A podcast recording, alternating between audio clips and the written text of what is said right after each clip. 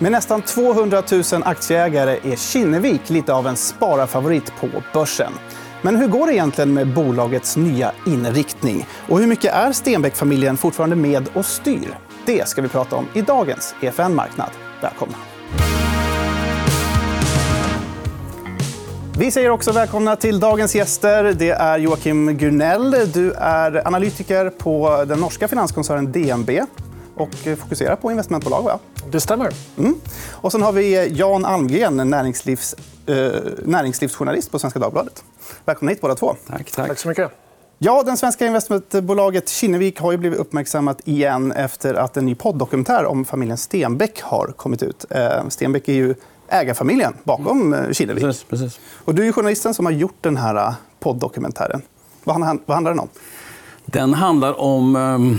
Den handlar om två saker. Den handlar dels om familjen. ehm, Jan Stenbecks barn. Inte Jan Stenbeck den här gången, utan hans arvtagare. Ehm, De fem barnen, från början fem barnen, som nu är fyra. Då. Ehm, Men den handlar också om Kinneviks utveckling sen 2002, sen Jan Stenbeck eh, tragiskt gick bort där. Så det är två spår kan man säga. Har du lyssnat på poddokumentären? Självklart. Som, som aktieanalytiker försöker vi såklart supa in all form av information vi kan. Så jag har lyssnat till Dynastin och läst den. Vad tyckte du?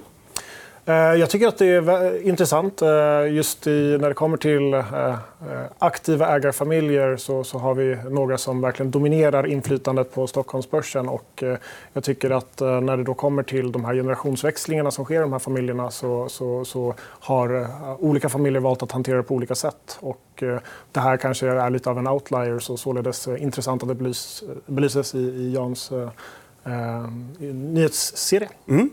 Ja, det här är en dokumentär om framförallt barnen eh, i. Stenbeck-familjen eh, som har ärvt egentligen då, eh, sin pappas Jan Stenbecks aktier i Kinnevik. Hur ser det ut med ägandet idag? Ja, enkelt så- kan man säga att Kristina Stenbeck äger 25-26 procent, har 25 25-26 procent av rösterna. Och hennes två syskon, då, Hugo och Sophie, har 11 procent. Så så de, de dominerar ju helt. Eh, Här ser vi en lista också. Just det, precis. Ägarlistan. Um, så värderare är då Kristina, där, som ni ser inom parentes. Och Alec um, Alces är Hugo C och, och eh, Sophies. Och sen så är det um, Sapedi igen, då, som är Kristina. CMS står då för Kristina Märta Stenbeck. Okej. Och sen det, så, man slår ihop dem, ettan och trean där. Då. ja, just det. Precis. Så att 19 plus 6 blir då 25. Och sen så är det ett antal institutioner efter det. Men hur mycket inflytande har då storägaren Kristina Stenbeck Ja, men det, det, är lite nyckelfrågan här. För att hon, på ett, ägarmässigt så har hon ett otroligt inflytande. Hon går ju till stämman där och kan styra och, och ställa precis hur hon vill i princip på stämman. Eh, Men det som har hänt och som många av oss vet det är ju att Kristina har klivit tillbaka. Hon har då gjort ett antal reträtter de senaste åren. Hon har lämnat ordförandeposten, hon har lämnat styrelsen, hon har även lämnat valberedningen. Så att hur mycket hon styr i Kinnevik det tycker jag är en öppen fråga. Hon har makten, men hur mycket hon styr är en öppen fråga. Det är, idag sitter det fem, sex tjänstemän i styrelsen som, som har, liksom, lägger ut strategin. och sådär. Men är det fortfarande ett familjebolag? då? Ja, det tycker jag man kan säga. Man brukar säga i de här sammanhangen när ett bolag kontrolleras mer än 20% av en familj, då är det ett familjebolag. Och här har vi då 25 bara av Kristina, sen hennes två syskon ytterligare 11 Så då tycker jag absolut per definition att det är ett familjebolag. Men det är ett väldigt ovanligt läge. Jag tror inte det finns någon annan familjebolag på börsen som har det här läget där du har en, en huvudägare som har gjort den här, ja, men mer eller mindre abdikerat från makten. Menar, det skulle ju vara helt otänkbart om vi skulle ha Jacob Wallenberg eller Marcus Wallenberg skulle lämna Investor eller familjen Persson skulle lämna Hennes och Mauritz. Det, det, är helt, det går inte att tänka den tanken. Joakim, skulle du säga att det fortfarande är ett familjebolag, Kinnevik? Ja, eh, jag, jag håller med om att det fortfarande är ett, eh, ett, eh, ett investmentbolag som, som, som har en, en ägarfamilj, om än inte i samma utsträckning lika aktiv sådan. Vad jag dock tycker att det är värt att betona är att, att även om man då har tagit, gjort en, en, en säg reträtt då från de, de formella rollerna i bolaget så är jag nog ganska säker på att även den här generationen Stenbeck har sina intressen eh, Eh, tillgodosedda i form av, av, av styrelserepresentation och även då i valberedning. Då, eh, då, då det utgör såklart en, en, om inte majoriteten i, i deras eh, privata förmögenheter så har de ett intresse att se till att de här intressena tillvaratas. Mm. Men vad spelar det för roll då egentligen, om det är ett familjebolag eller inte? Är det viktigt för aktieägarna? Eh, så till den grad vad vi har sett i andra investmentbolag eh, och, och varför investmentbolag har blivit en så populär eh, sparform om inte, och inte minst för, för privatpersoner i Sverige så, så har det varit en, en investeringsform där man har kunnat ha rygg på, på aktiva ägare av kött och blod som, som har via bevisade governance-modeller bland annat då, bevisat att man via styrelserepresentation och liknande kan, kan bedriva en, en strategisk agenda i portföljbolag som faktiskt över tid eh, skapar eh, aktieägarvärden när man, när man utnyttjar sitt inflytande som, som ganska tydligt överavkastar sig ett, ett börssnitt och liknande. Så, att, eh, så att, att, att, att, att aktiva ägarmodeller i Sverige eh, fungerar, det, det, det, har vi flera bevispunkter på. Mm. Ja, Kinnevik har ju nästan 200 000 aktieägare. Lite mm. av en folkaktie, kanske man Verkligen. skulle kunna säga. Vad tycker du, Jan? Är det viktigt att folk har en tydlig bild av bolagets, eh, hur det styrs från ägarhåll? Ja, det är naturligtvis jätteviktigt att de har. Tyvärr tror jag att de inte har det riktigt. Jag tror att bilden här från många vanliga, om man ska använda uttrycket vanliga aktieägare, är att det fortfarande är familjen Stenbeck som har total kontroll. Eh, och så är inte riktigt fallet om man inte alls sitter i valberedningen, som huvudägaren Kristina i alla fall, och inte alls sitter i styrelsen som huvudägaren Kristina. Mm. Så jag tror att det är en liten diskrepans mellan vad, vad de vanliga aktieägarna har för bild av bolag och hur det faktiskt fungerar. De har även fått kritik då, bland annat från eh, Första AP-fonden eh, som är storägare ja. i bolaget och att, för att ledningsgruppen eh, tar ut väldigt stora bonusar. Mm. Ligger det nåt i den kritiken, tycker du? Jag, jag ska inte ha någon åsikt om det. Jag kan bara konstatera att um, det har, jag vet att det har funnits en, en, en, ganska lång diskussion bland institutionella ägare som reagerar på de höga totala ersättningsnivåerna. Så, så är fallet när det gäller Kinnevik.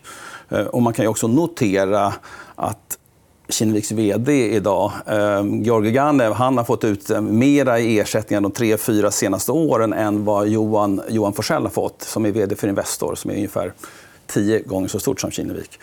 Så hur har de presterat då på börsen? Eh, alltså nu, de sista åren här så har Investor absolut presterat bättre och haft en högre avkastning på börsen än vad Kinnevik har haft. Det är ingen, det är ingen, det är ingen uh, diskussion om den saken. Så det, det, är klart att det är, invester- det, det är ersättningar som sticker ut lite grann. Joakim, vad, vad, kan det få för konsekvenser för ett investmentbolag om ledningen har alldeles för stora ersättningsprogram?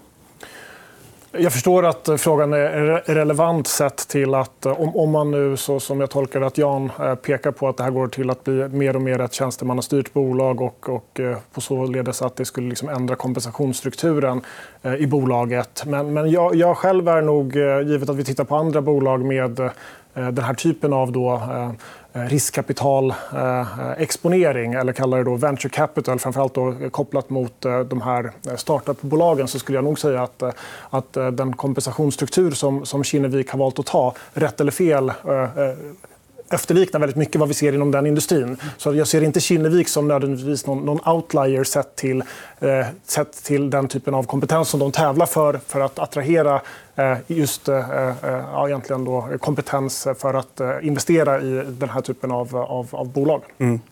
Vi ska säga det att vi faktiskt bjöd in eh, Kinneviks vd Georgi Ganev till programmet. Och han tackade ja först eh, tills han fick höra att eh, Jan, du skulle vara med.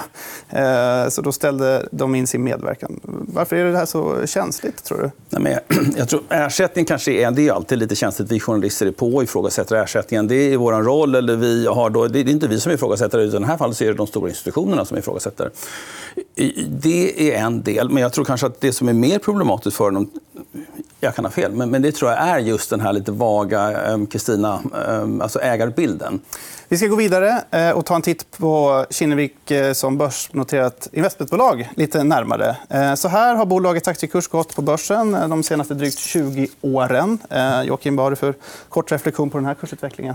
Nej, men det har varit lite i bolagets DNA som jag var inne på, att, att kontinuerligt eh, på nytt föda sig själv. Eh, så att vad vi har sett här eh, är en, en del omstöpningar när det kommer då ifrån att man, man har ofta en, en, portfölj som är positionerad enligt lite av en S-kurva där man har lite un, yngre bolag som, som, som egentligen då finansieras av, av en kassaflödesmotor, vilket i mitten på den här perioden var, var, var Korsnäs.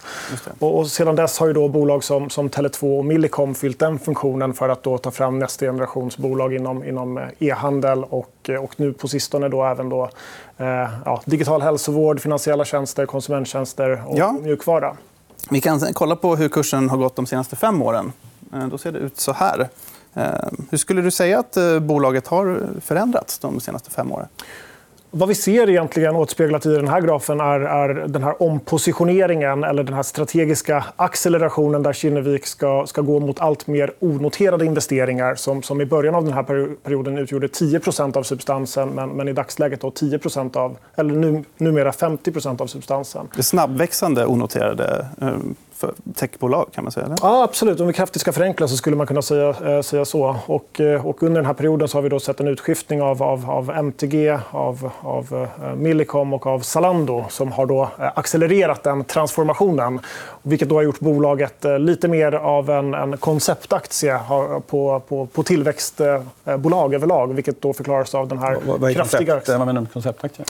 Eh, att den rör sig... Eh, den, det blir lite av eh, aktien som för att få exponering mot tillväxt. Då går man till Kinnevik i det här exemplet. Och därför aktien fick en väldigt god utveckling till exempel under 2021. Ett sätt för aktieägarna att få exponering mot onoterat? Liksom. Exakt, eller tillväxt överlag. Ja, tillväxt. Som, och, och, och, nu har vi då sett lite av en reversering av det under 2022-2023. Mm.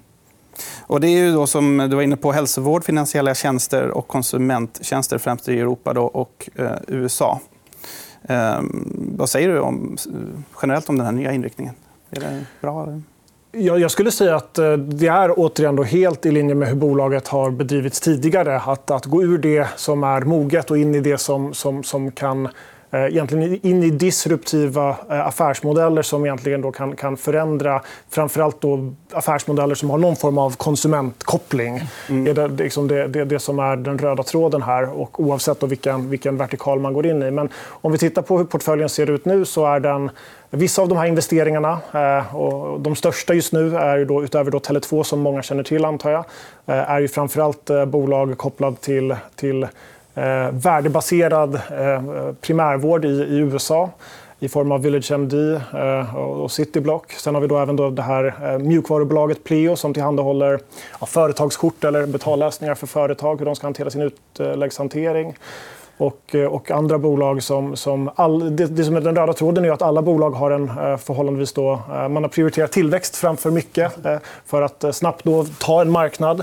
Och det är en strategi som fungerar då väldigt framgångsrikt under perioder där, där tillgången till kapital är, är mer gynnsam. Och det har det ju verkligen varit för många av de här bolagen. Och de här har många etablerat sig som en, en ledande aktör eh, för att egentligen då ställa om eh, den, den branschen de går in i. Men, men, men givet att de är olönsamma och, och ganska kapitalintensiva eh, så till den grad att man behöver kapital för att kunna växa i den takten de gör nu så kommer vi nog se hur bolagen, när tillgång till kapital försvåras behöver bromsa ner sina tillväxt man, man slås lite av hur många, ändå, och jag, då är jag ändå näringslivsreporter, hur många okända bolag det är här. Jag känner i princip, jag känner igen några andra, men i princip så är det Tele2 som är namnkunnigt här. Tidigare så brukade det vara ett antal ändå i Kinneviks portfölj som man kände till, så där, och man hade någon slags relation till. Det, är, det är väldigt många eh, ganska okända bolag här. Det skulle nog komma. Det, det, skulle jag se som att det var 2018 som, som många av de här bolagen egentligen blev en del av Kinneviks portfölj. Och sen så, därtill så har man framförallt gått eh, utanför Norden och Sverige för att eh, hitta de ledande affärsmodellerna för respektive ja, eh, för respektive då vertikal. Så att, eh, mm. Det är framförallt i USA, även i Europa, som du hittar de här bolagen. Jag vet inte om det kanske kan vara en del av mm. förklaringen. Sen kan man, jag tycker också att man ska lyfta på hatten över att, som du har varit inne på, Joakim, att det här är verkligen en, del av Kinneviks DNA, att våga ta risk. Men här, här vill man stöpa om bolaget ytterligare en gång, en ytterligare en på nyttfödelse. Man gör, gör sig av med Zalando, som har varit den stora stjärnan, och så börjar man om. Det tycker jag är imponerande, att man mm. har den, där, den orken och den, den viljan att hela tiden våga ta, ta ny risk. Och vi var nog säkert många som sa samma sak om, om Zalando 2013 när vi tittade på en sån där mm.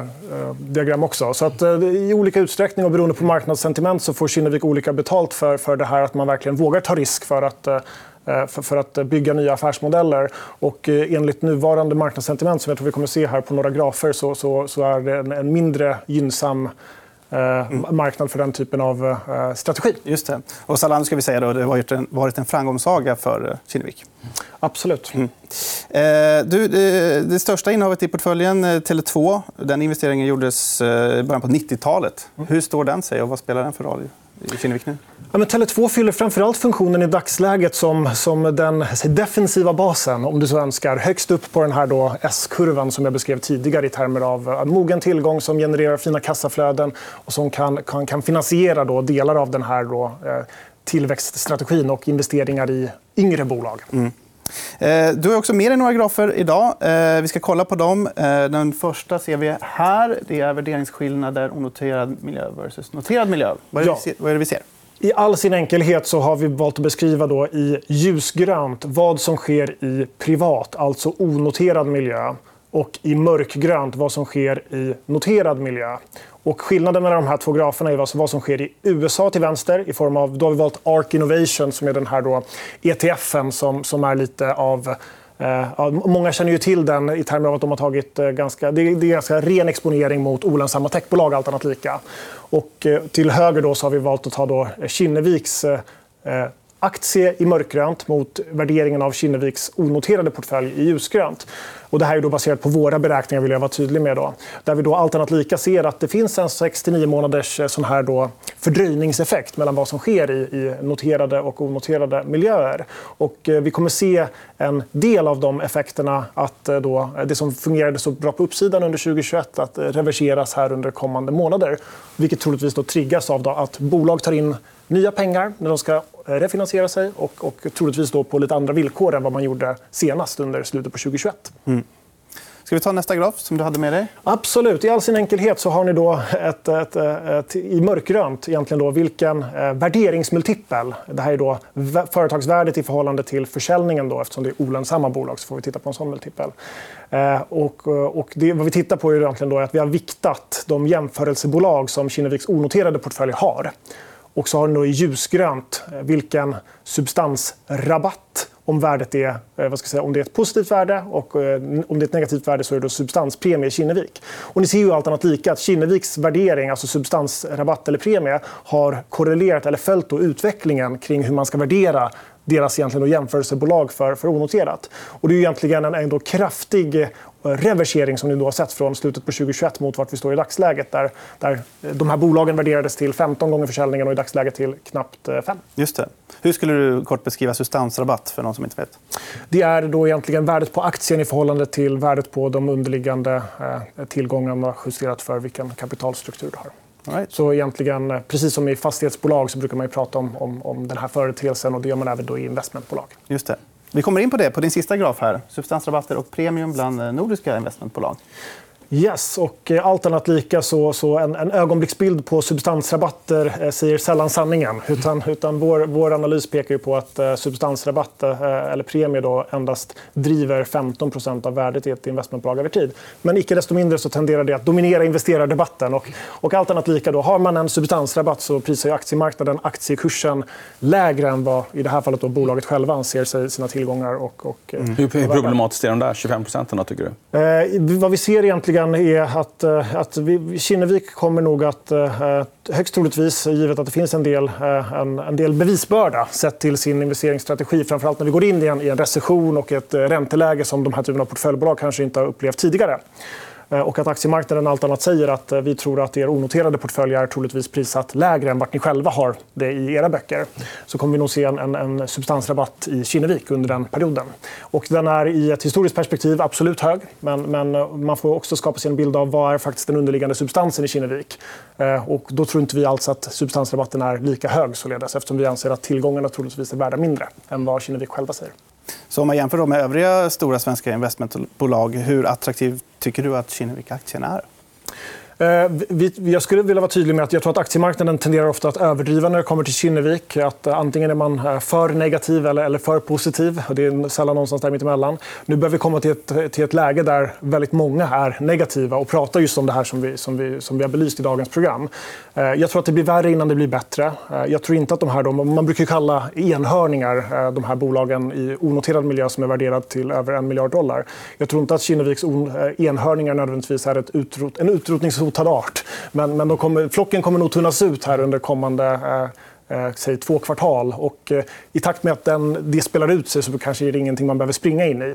Men, men jag tror att för de som är, de som, den, den som vill ha en, en, en exponering mot tillväxt och, och har ett femårsperspektiv så finns det säkert väldigt goda förutsättningar för att Kinnevik med, med då en nettokassa på 10 miljarder skulle kunna, kunna bygga väldigt stora aktieägarvärden över den perioden. Mm. Vad ser du för olika scenarier framöver då, med familjen Stenbecks ägande och styrande över Kinnevik? Alltså, det är ju lite 10 000 kronors frågan här. Mm. Och jag tycker det är jättespännande. Ehm, det är ingen riktigt som vet. Ehm, antingen så menar, det mest extrema scenariot, men det tror jag absolut inte kommer hända, det är naturligtvis att Kristina fortsätter sin reträtt och på något sätt säljer, säljer sina aktier. Det skulle man kunna tycka finns någon slags logik. Hon har liksom bara trappat, bak, liksom hon har trappat ner det här hela tiden. Mm. Eh, jag tror ändå inte att det finns på kartan. Utan antingen så får vi se någon form av comeback. Eh, det vore ju väldigt spännande att det här har varit en paus på ett antal år. Hon har tagit, hon vill göra någonting annat, hon vill satsa på sina egna investeringar. Man kan verkligen ha sympati för det och förståelse för det. Hon har suttit i Kinneviks styrelse i så många år, så jag tycker det är viktigt att betona det. Det, det finns jag tycker det finns mycket rationellt i att hon, att hon tar ett steg tillbaka. Det som blir krångligt är just att hon har alla de här aktierna samtidigt. Så då blir det lite, lite otydligt. Men kan hon köpa ut Kinnevik börsen? Det är också ett scenario som det faktiskt har diskuterats. Att man skulle göra någon slags Axel Jonsson-modell här. Det skulle kräva otroligt mycket pengar. Det är högst tveksamt om man skulle få ihop så mycket pengar. Man skulle kunna sälja Tele2 och få loss lite pengar där jag, jag, kan inte, det kan Joakim bättre, de rent finansiella förutsättningarna för det. Men jag vet att jag har diskuterat en, ett sånt scenario. Ett annat scenario är att hon utser någon som mer tydligt har Kristina Stenbeck-hatten på sig i valberedningen. Det, det, kan man ju tänka sig ett, ett, ett, eh, som ett scenario också. Nu finns det ju ingen, liksom, hon har ingen representant, officiell Nej. representant i valberedningen. Utan hon känner ju en hel del folk där. Men, hennes bror sitter där, va? Ja, hennes bror sitter där. Men han representerar ett annat, en annan stiftelse. Det är väl lite oklart vilken relation de här syskonen har sinsemellan. Joakim, vad, vad tänker du? Vad ser du för framtid för Kinnevik? Eh, om vi tittar på hur eh, portföljkompositionen ser ut, eh, där har jag nog lättare att uttala mig om jag ska vara ärlig. Och jag skulle utgå ifrån att mycket av caset, då, för att komma tillbaka till den här analogin vi haft tidigare, bygger på att det ska finnas några ytterligare då Zalandos i den här onoterade portföljen. Och, och om så är fallet får, får, framtiden, får framtiden visa. Det finns vissa av bolagen, jag skulle säga en, en, en tre stycken, som verkligen har, har potenta egenskapsdrag för att faktiskt kunna, kunna röra på nålen för Kinnevik på några års sikt. Men, men annars så tror jag att det som kommer vara den stora förändringen i Kinnevik om vi tittar eh, om vi tar fem år ut så tror jag inte att Tele2 längre är en del av Nej. portföljen. Och eh, det kommer, nu kan man ju prata om hur de här tidigare då utdelningar av innehav har, har skötts. Men jag tror att det finns, eh, det, finns väl, eh, det finns väl mycket som talar om att det skulle vara liksom lite sista steget i den här då omstöpningen av, av Kinnevik idag. Att faktiskt eh, göra ytterligare en, en, en nedförsäljning mm. och, och sedan då dela ut innehavet så som vi bedömer det. Chansen att Kinnevik köps ut från börsen? Eh, jag tror att de är väldigt låga. Där får vi sätta punkt för dagens program. Stort tack för att eh, ni kom hit idag. Eh, Joakim Gunell, analytiker på DNB och Jan Almgren, näringslivsjournalist på Svenska Dagbladet. Tack så mycket. Tack, tack. Du har lyssnat på EFN Marknad, en podd som produceras av EFN Ekonomikanalen. Du hittar programmet även i videoformat på Youtube och på efn.se. Kom ihåg att prenumerera på podden och följ oss gärna på Instagram för fler aktietips. Där heter vi EFN Aktiekoll. Ansvarig utgivare är Anna Fagerström.